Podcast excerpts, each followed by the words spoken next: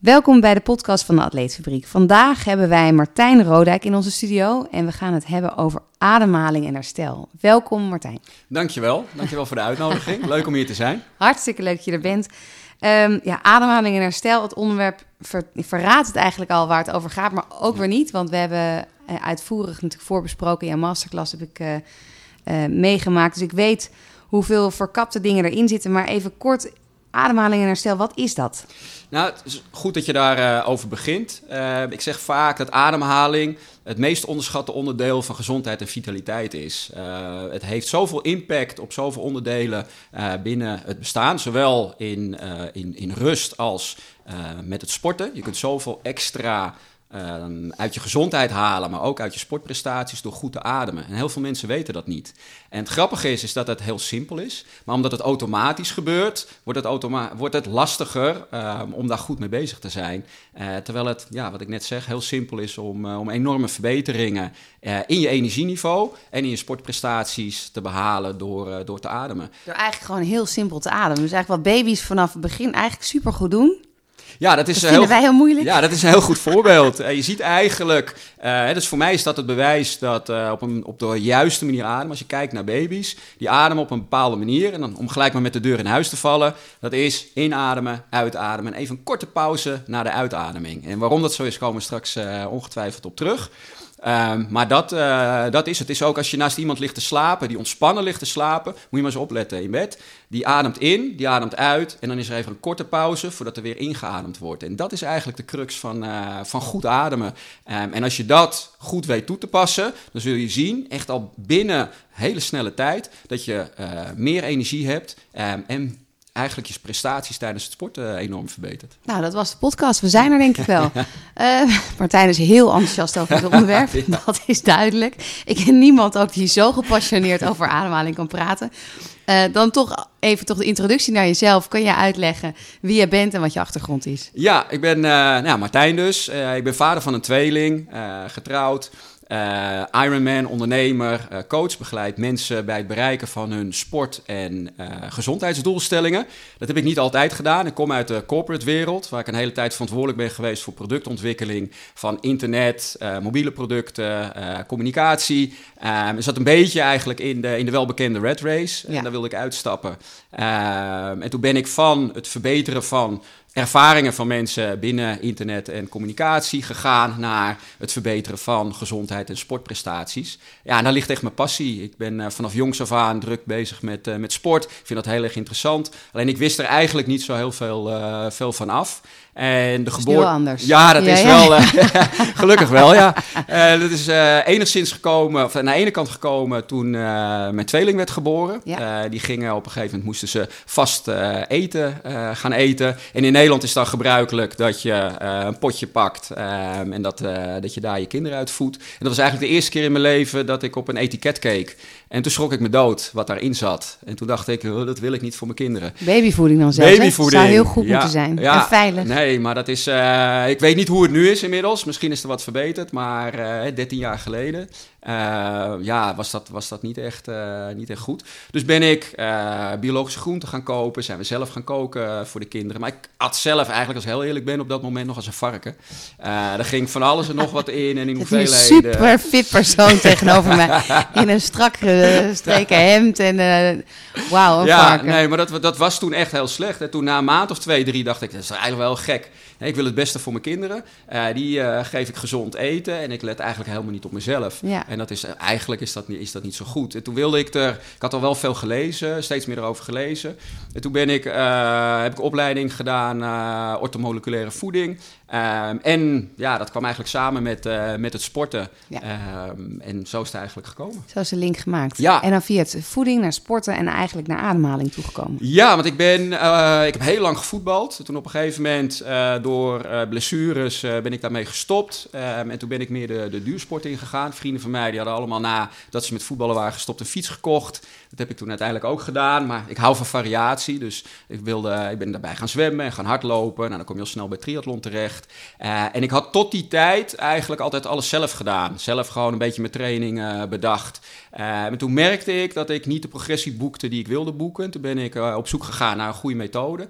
En toen kwam ik bij de methode Energy Control terecht. die is ontwikkeld door Stans van der Poel. Um, en die kijkt op een hele andere manier naar, uh, naar sporten. Als je kijkt naar duursporten, wordt er over het algemeen uh, aangenomen dat je veel volume moet maken. Maar je kunt mhm. eigenlijk beter kijken naar wat je nodig hebt. En een van de dingen die je nodig hebt met goede sportprestaties is ademhalen. ademhalen. En dat zit heel erg verweven in de methode. En zo ben ik dus uh, via voedingssporten ook bij de ademhaling terechtgekomen. Ja. Want je geeft ook masterclasses, vanuit ons in ieder geval, vanuit Atleetfreak, maar ook op andere, hè, bij, andere organisaties misschien ook wel. Maar uh, je bent uh, hardlooptrainer, bootcamp, als ik me niet vergis. Ja.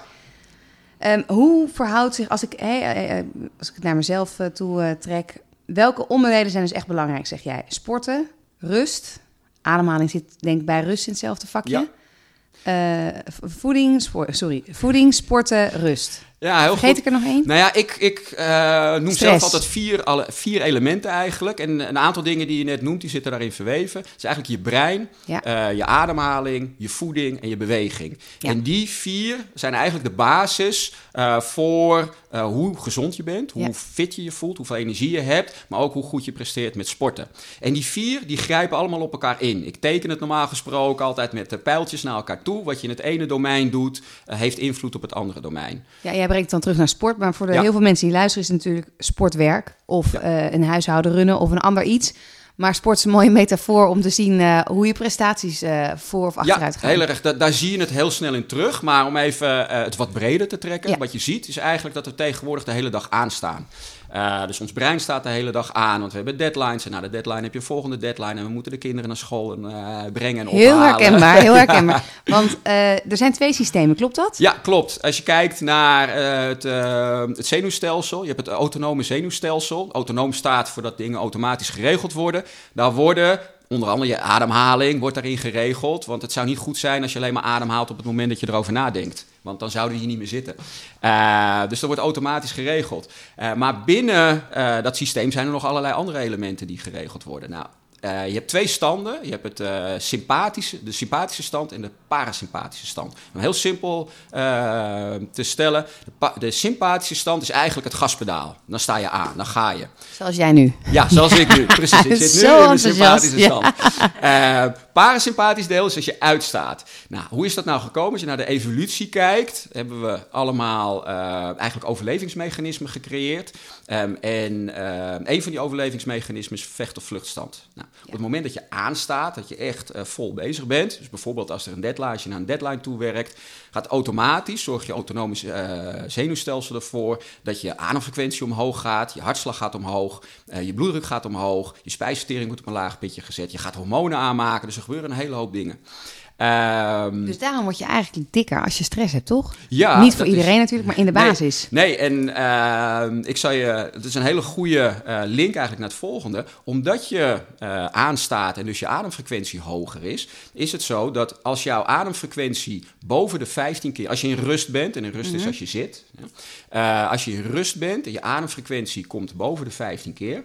dan kom je automatisch in je suikerverbranding terecht. En nou, we hebben twee voorname energievoorraden uh, binnen het lichaam. Dat is je vetvoorraad en je suikervoorraad. Nou, als jij in rust bent en je zit, maar je ademt te snel, kom je toch in je suikervoorraad, uh, uh, spreek je je suikervoorraad aan. En dat komt omdat vet, daar heb je veel meer van. Of je nou dik bent of dun, iedereen heeft een hele grote energievoorraad in vet. Maar het is een relatief langzame brandstof. Op het moment dat je heel intensief bezig bent, dan moet je overschakelen naar een snellere brandstof en dat is je suiker. Nou, als jij de hele, de hele tijd aanstaat, je komt op je werk, klap je, klap je laptop open om 9 uur en je ademt te snel, uh, dan kom je in je suikerverbranding terecht. Nou, om 11 uur ben je door die voorraad heen. Want, mensen, de suikervoorraad gaat twee uur lang mee? Anderhalf tot twee uur. Ja, ligt er een beetje, ligt, verschilt een beetje per persoon en hoe fit je bent. Hoe fitter je bent, hoe meer je hebt. Maar laten we even uitgaan van twee uur. Ben je om 11 uur, dus door de eerste keer door je voorraad heen. Wat gebeurt er? Komt een signaaltje vanuit je hersenen dat het weer aangevuld moet worden. Dus heb je weer een eet- of een drinkmoment.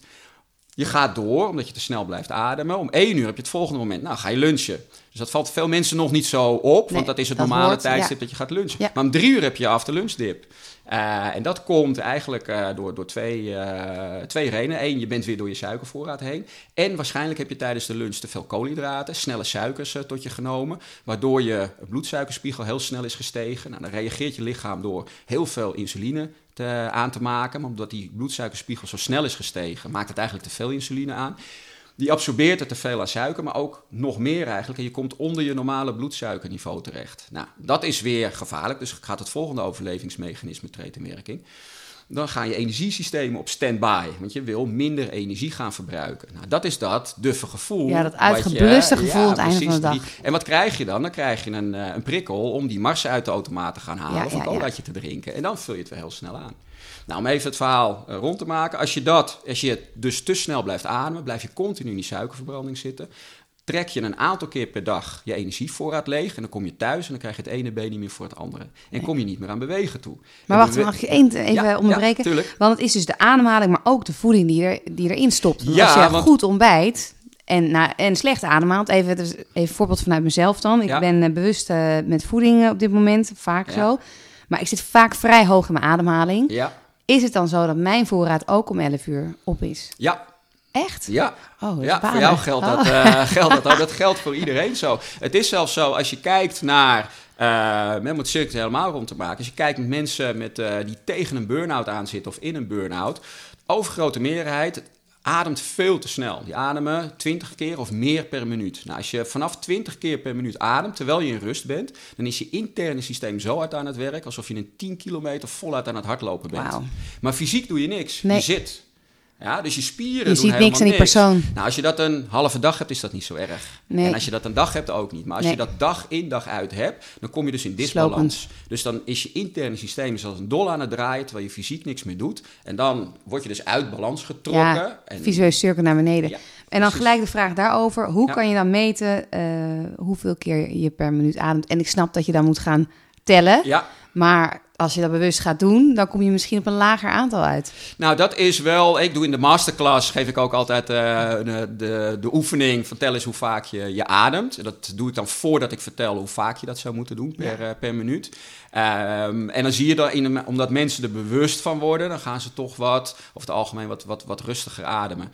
Eh, op het moment dat je dat weet, als je daar bewust van bent... dan kun je ook gewoon denken van... nou, weet je, ik pak even een minuut. Je pakt gewoon een minuut op je horloge... en je telt gewoon in, uit wel tellen, één. ja. wel tellen. Dat is de beste manier En je weet gewoon nu ook door deze podcast hoeveel, hè, wat ongeveer de grens zou zijn. Ja, Dus dat gaat zo automatisch eigenlijk het ademhaling dat je dat door blijft doen zoals je dat deed. Dat gaat gewoon, maar door.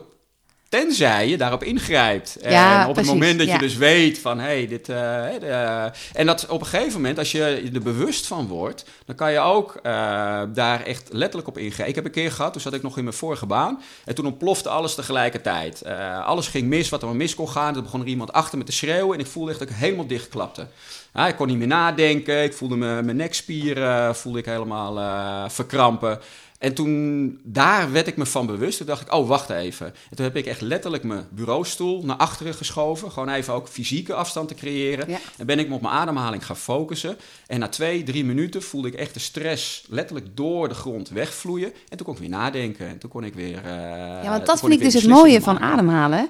Ehm, want ik ben dat heel eerlijk in deze podcast. Ik eh, probeer sinds ongeveer dik een week nu mijn mindfulness weer op te pakken. Dus Ja. dat is bij mij best wel een struggle. Ja. Ik zit ook hoog in mijn ademhaling. Vaak soort geloof ik wel een beetje bij elkaar, Ja. maar dat geeft niet. Ehm, ik merk zodra ik ga zitten, zodra het ook met ademhalen dan, hè, eh, dat ik dat bewuster doe, Ja. dat ik meteen, wat jij ook zegt, eh nou, binnen, jij had het over drie minuten, ik voel Ja. het al in de eerste 30 seconden, hoe fijn het is en hoeveel rust het me brengt. En dat is voor mij ook de manier om een, eh, om mijn mind eigenlijk rustig te krijgen. Nou, dat is het mooie, ook dat je daarover begint. Eh, het is zo, eh, wat, waar ik over begon, het autonome zenuwstelsel, dat zijn dingen die automatisch geregeld worden. En daar dachten we altijd van dat we daar niet op konden ingrijpen. En waar we nu achter zijn gekomen, is dat je door, je adem, door goed met je ademhaling om te gaan, met de juiste structuur, maar ook met de juiste frequentie te ademen, dat je daar eigenlijk de uitstand mee kunt vinden. Dus dus het parasympathische dat. deel kunt vinden. Dus Ja. voor heel veel mensen is het heel lastig, en ik heb daar ook wel eens last van, zeker als je een drukke dag hebt gehad. Hoe breng je alles weer Herpakken. tot rust? Ja. En dat is heel lastig, zelfs als je probeert te mediteren, dan heb je al die gedachten die door je Ja. hoofd gaan. Nou, op het moment dat je je focust op de juiste ademhaling, kun je dat op een eigenlijk een wat eenvoudigere manier, kun je toch die uitknop Ja, eh, indrukken. goed dat je dat zegt, want mensen die gespannen zijn of eh, zenuwachtig of die krijgen wel eens naar hun hoofd. Ja, mensen ontspan even of eh, dat klinkt dan heel onaardig of doe even rustig. Dat is best lastig als je een aantal ballen in de lucht wil houden. En, maar eigenlijk zou je moeten zeggen, ga even zitten en adem eventjes drie keer gewoon heel diep in met je ogen open of dicht. Dat maakt dan niet uit. Maar dat is de beste oplossing in plaats van doe even rustig. Nou, daar moet ik even op ingrijpen. oh, Want vertel. dat is een, een, een, eh, toch wel een beetje een misvatting, is dat goed ademen diep ademen is. Eh, dan moet ik een heel klein beetje misschien uitleggen wat er met ademhaling gebeurt. Eh, maar op het moment dat je, je bloed maakt een rondje door je lichaam. Dat Ja. neemt zuurstof op vanuit je longen, dat verspreidt het door je lichaam. En op de terugweg neemt het CO2 koolzuur mee. Dat is het verbrandingsproduct van, eh, van de energie. Nou, bij het, als je inademt, dan zitten de, je, je, je bloedvaatjes vol met bloed met, eh, met koolzuur. Ehm, en als je ingeademd hebt, dan zit de, lucht, de buitenlucht, eh, binnenlucht, er zit bijna geen koolzuur in. Tenzij je met je neus aan een uitlaatpijp gaat hangen of helemaal omgeven wordt door die brommetjes bij een stoplicht, er zit bijna geen CO2 in. Door het drukverschil bij je inademen stroomt er heel veel CO2 je, longen, of eh, je bloed uit, je longen in. En dat blaas je uit op het moment dat je uitademt. Nou, tijdens je uitademing kan dan zuurstof terug je bloed in. En dan denk je, nou, dat is mooi, we hebben het verbrandingsproduct, zijn we kwijt eh, en we hebben zuurstof in het bloed. Alleen eh, koolzuur heeft een beetje vreemde eigenschap en dat zorgt voor ontspanning van je aderen. En als je te snel ademt of heel diep gaat ademen, waardoor je het volume vergroot, stroomt er nog meer CO2 uit je bloed en krijg je een CO2-tekort, een koolzuurtekort in je bloed.